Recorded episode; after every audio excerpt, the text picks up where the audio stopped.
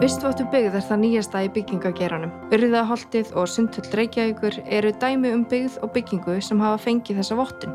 En í hverju fælst þetta? Fer það eftir efnisvali á steipu, timbri og glöggum eða hönnun á húsi út frá hita og byrtu? Hver er ávinningurinn fyrir byggingaræðila og sveitafélög að byggja slík hverfi og byggingar? Ég heiti Björkvöður Albersdóttir og hjá mér er Óluf Kristjánsdóttir byggingaverkfræðingur og sérfræðingur í vistvottu um byggðum Hún ætlar að fræða okkur aðeins meira um málið. Þegar við erum að skipulegja nýtt hverfi eða bara eitthvað ámarka svæði, það þarf ekki að vera heilt hverfi, þá er hægt að meta hversu sjálfbart það verður, bæði á frangönda tíma og svo á nótkunn tíma. Það er gert með erlendum vottunarkerfum sem meta marga þætti og hverfin er gefin engun eftir því hversu vel það fellur að ýmsum þáttum og ýmsum viðmöðum um sjálfbart skipulag. Um, á Íslandi er núna verið að meta fjögur skiplagsverkefni, tvö í Garðabæ, eitt í Mosulsbæ og eitt í, Reykjavík. Eitt þeirra er svæði fyrir atvinnuhúsnæði en hinn þrjú eru fyrir íbúabigð og eða svona blandaðbygð þar sem er þjónusta líka, íbúabigð og þjónusta. Og við sjálfbarni mat allra þessara verkefna er verið að nota braska vottunarkerfið Brem Communities og það sem ég er þá að gera í því er að ég er matsaðili Brem Communities matsaðili þannig að ég fylgist með skipularsferlinu og kalla eftir ímiskunar gögnum og upplýsingum og fer svo yfir það og met Hvað er það þá sem að fælst í þessari engun? Er þetta að fá A plus eða veist, hvernig, hvernig fær maður góða engun fyrir svona votun? Já, það er eiginlega málið. Það er gefin engun. Þetta er ekki þannig að annarkort sé hverfið sjálfbart eða ekki sjálfbart. Þannig að þetta er vottun en samt er eiginlega skýrara að tala um að þetta sé engunugjöf. Hversu hafa engun í sjálfbarni er hverfið þitt með. Er lúsað þannig. Og það eru margir þættir sem eru meðnir. Það má í rauninni segja að matskerfið sé eins og rís og stór tjekklisti fyrir skiplasvinnu, bara fyrir góða skiplasvinnu. Eh, annars vegar en svo það sem að kerfi gerir líka er að það ítir skipilast teiminu eða hönuna teiminu aðeins lengra, gerir svona aðeins meiri kröfur varðandi sjálfbarni heldur en reglugerði segja til en svo er það bara misað eftir skiplasvinnu hvert þau skipti hversu mikil metnaður er laður í það og þá sjálfbarni þætti. Hverju breytir það fyrir mig sem þá íbúið eða notanda af hverfinu uh, ef það er vottað eða ekki? Hvað er það sem fælst í þessu? Það er ótrúlega margt og ef ég reynir bara svona að tæpa á því helsta þess að reyna að stinga eitthvað niður af því að þetta eru 40 þættir sem eru meðnir þannig að þetta er mjög svona viðfemt mat og margt sem kemur inn í en ef ég tek svona nokkra efnistætti sérstaklega til að útskýra sem fólk getur tengt við þá kannski fyrst og reynst samgöngur að það er þá krafa um að það sé gert samgöngum mat fyrir hverfið. Í raunin að breskri fyrirmynd og sem er svo gengið aðeins lengra. En samgöngum mati á að ná yfir alla ferðamáta, ekki bara bíla. Og þá gera líka ferðavenju áallin fyrir hverfið. Það er þá til þess að styðja við nótkunn almenni samganguna og hjólreiða og göngu á nótkunna tíma það þarf sérst að meta aukningu í ferðaþörf og hvernig má uppfylla hana á vistvannan hátt að helst með almenni samgangum og það þarf að koma fram í skiplásgerðinni hvernig almenni samgöngum verður hátað fyrir svæðið, hver verður tíðinni leiða, fjarlægð, göngufjarlægð á stoppustöð og gæði stoppustöða.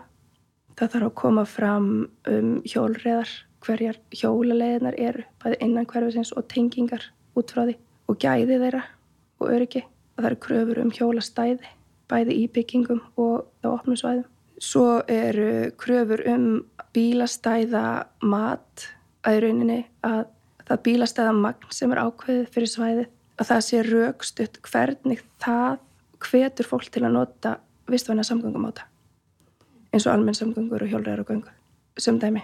Og svo kemur inn í þetta líka þjónusta það þarf að gera mat af því hvaða þjónustuð hverfið mun þurfa. Með íbúfjölda, stærð og staðsendingu og, það er þá að vera að tala um skóla, leikskóla, verslun, heilsugjastlu íðrótt aðstöð og þess áttar Þannig að þetta sé unniðin í svona byggingaskipuleið Já, og það er þá gerðar ákveðinu kröfur um að göngufjarlæðir að þessari þjónustu séu innan ákveðina marka og að þær séu örugar.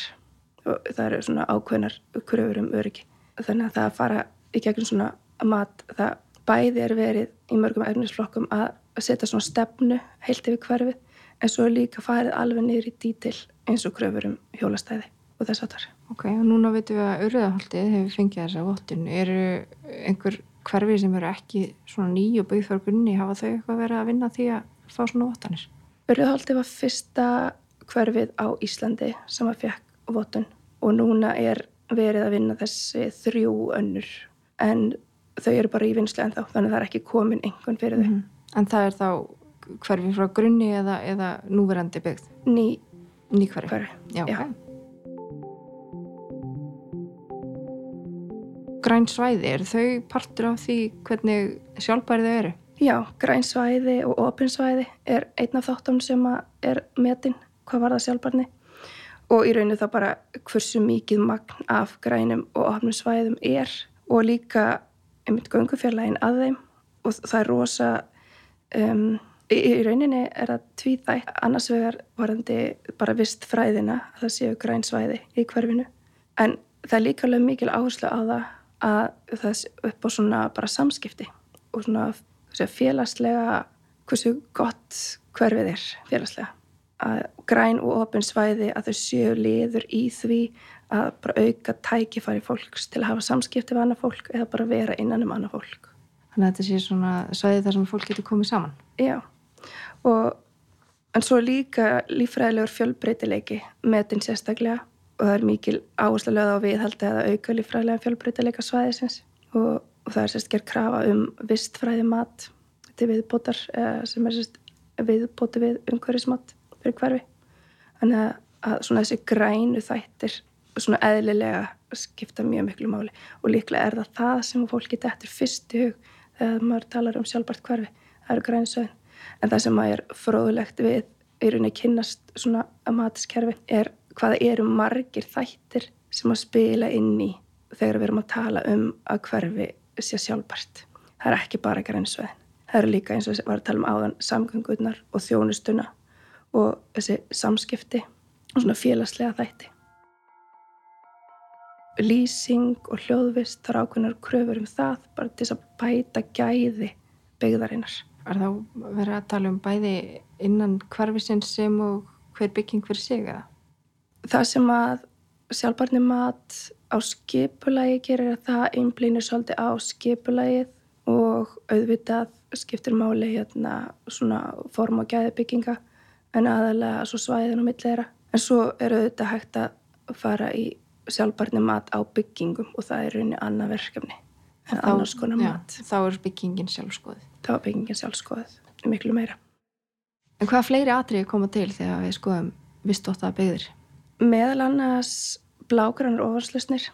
Það er gefa mikið varandi svona vist hæfi byggðareinar og til að útskýra hvað blágrannar ofarslusnir er að þá skuli ímyndið ykkur hæð ofan við vatn. Það er stór hæð sem á að fara að byggja nýtt hverfi og fyrir neðan hæðina er stöðu vatn. Ef að við byggjum veitukerfið eins og við erum vöna að gera og þá fer allt regninga vatn af gödum og hústökum byrjun líka í gödunar og ofan í niðurföll og ofan í lagnir sem að leiða vatnið út í sjó. Áður en beðin kom þá fór þetta vatn sína náttúrulega leið í gegnum þessa hæð og ofan í vatni og náða viðhalda eðlilegri vaststöðu í stöðuvatninu fyrir neðanhæðina. Þannig með blákurinn og ofanarslösnum er verið að reyna að halda því áfram að mynda svona ofanvarsrásir eiginlega eins og pínu litla læki með fram gödunum sem vatni rennur eftir fer úr gödunum og í þessa litla læki og er komið niður hæðina þannig þannig að það haldi áfram að setla bara í þetta vatn eins og vennilega. Þannig að það sé ekki verið að raska þessu náttúrulega umhverfi sem er búið að myndast á þannig við mætum á sæðið. Já, þannig að þá við heldur vatnið sínu jafnvægi og sínu fuggla og fiska á bara dýra og gróðurlífi eins og áður. Og þannig að blákurna orðsvistir skipta mjög miklu máli í því að gera hverju sjálfbart. Ef við horfum á þetta er í rauninni ávinningurinn fyrir neytendan en hvernig getur við hvart byggingaræðilega og sveitafjölu að horfa frekast til þessar græna byggða og, og þessar vottana? Það er klárlega hvati fyrir uppbyggingaræðilega og sveitafjölu að stöðla að sjálfbarari hverfum að því að í sjálfbarninni felast meiri gæði.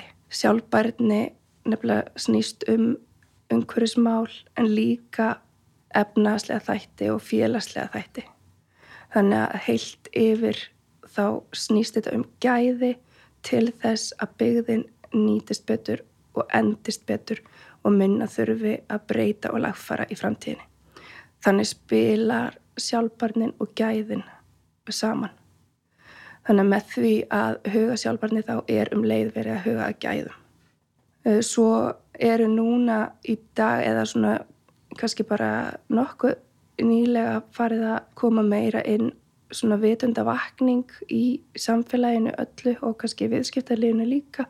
Þannig að það er farin að koma inn svona græn skuldabrif þannig að það sé auðveldar að fá fjármögnun þegar að hægt er að sína fram á að verkefni séu unnin með sjálfbarni að leiðaljósi og það að votta hvort sem það er skiprásvinna eða hönnun byggingar þá er mjög sterkur gæðastimpill á verkefninu að sannarlega hafa verið unnið með sjálfbarni markmið. Væri að segja að þetta geti haft virðisaukandi áhrif á ákvæmnar fastegnir og, og, og hverfi í framtíðinni? Já, maður myndi halda það að, það að vera búin að leggja meiri áherslu á sjálfbarni og gæði í verkefni frá upphafi og skipulagsvinnu að það ætti þá að koma í rauninni alveg niður á hverja íbúð, aukin gæði, bæði íbúðurinnar og hverfisins í heild. Þannig að hverfin verði eftir sótari. Er eitthvað fyrir sig að byggingaræklugjær farið taka meira til þáttar sem að varða þessar vottanir þegar framlega stundir? Ég held að séu nú þegar komin dæmi um það eins og varðandi uh, byggingatæknilega þætti einangrun og þess áttar. Einni er búið að breyta til dæmis varðandi kröfur um bílastæði orðalæginu í byggingaræklugjörð nú þegar og ég er alveg vissum að það að hafinn sé vinna á Íslandi við að sjálfbarni meta skipulag og byggingar að það mun smitast inn í almennt verkla um hvernig við gerum hluti. En á hliðin að þessum nýju hverfum eru náttúrulega eldri og við erum náttúrulega með fulla borga af hverfum. Hvernig getum við nýtt þau? Hvernig, hvernig verða umhverfsáhrifin á því? Já, þetta er einmitt eitt sem er tekið á í svona matsferli. Um, matskerfið hvetur í rauninni til þess að það sé byggt á núverendi nótuðum svæðum. Þannig að það, fast, það hækkar engunina að vera að fara inn á svæðið og endur byggjaði að breyta. Þannig að það lægri engun ef það er verið að taka ósnert grænt svæði og byggja þar.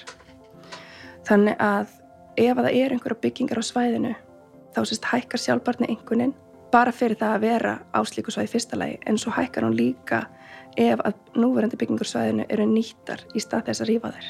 En þó er samt hægt að raukstiða niður ef, ef það sem að byggt er í staðin eigur sjálfbarnina. Til dæmis ef að þéttlegi byggðar er aukin af því að það þá gerir aftur þjónustu almenningssamgangna auðveldari og hagkvamari sem aftur eigur sjálfbarnina. Takk fyrir þetta Óluf, mjög fróðlegt og greinlega til margs að horfa þegar við erum að horfa á nýjar byggðir. Ég heiti Björgur, takk hjá alveg fyrir að hlusta.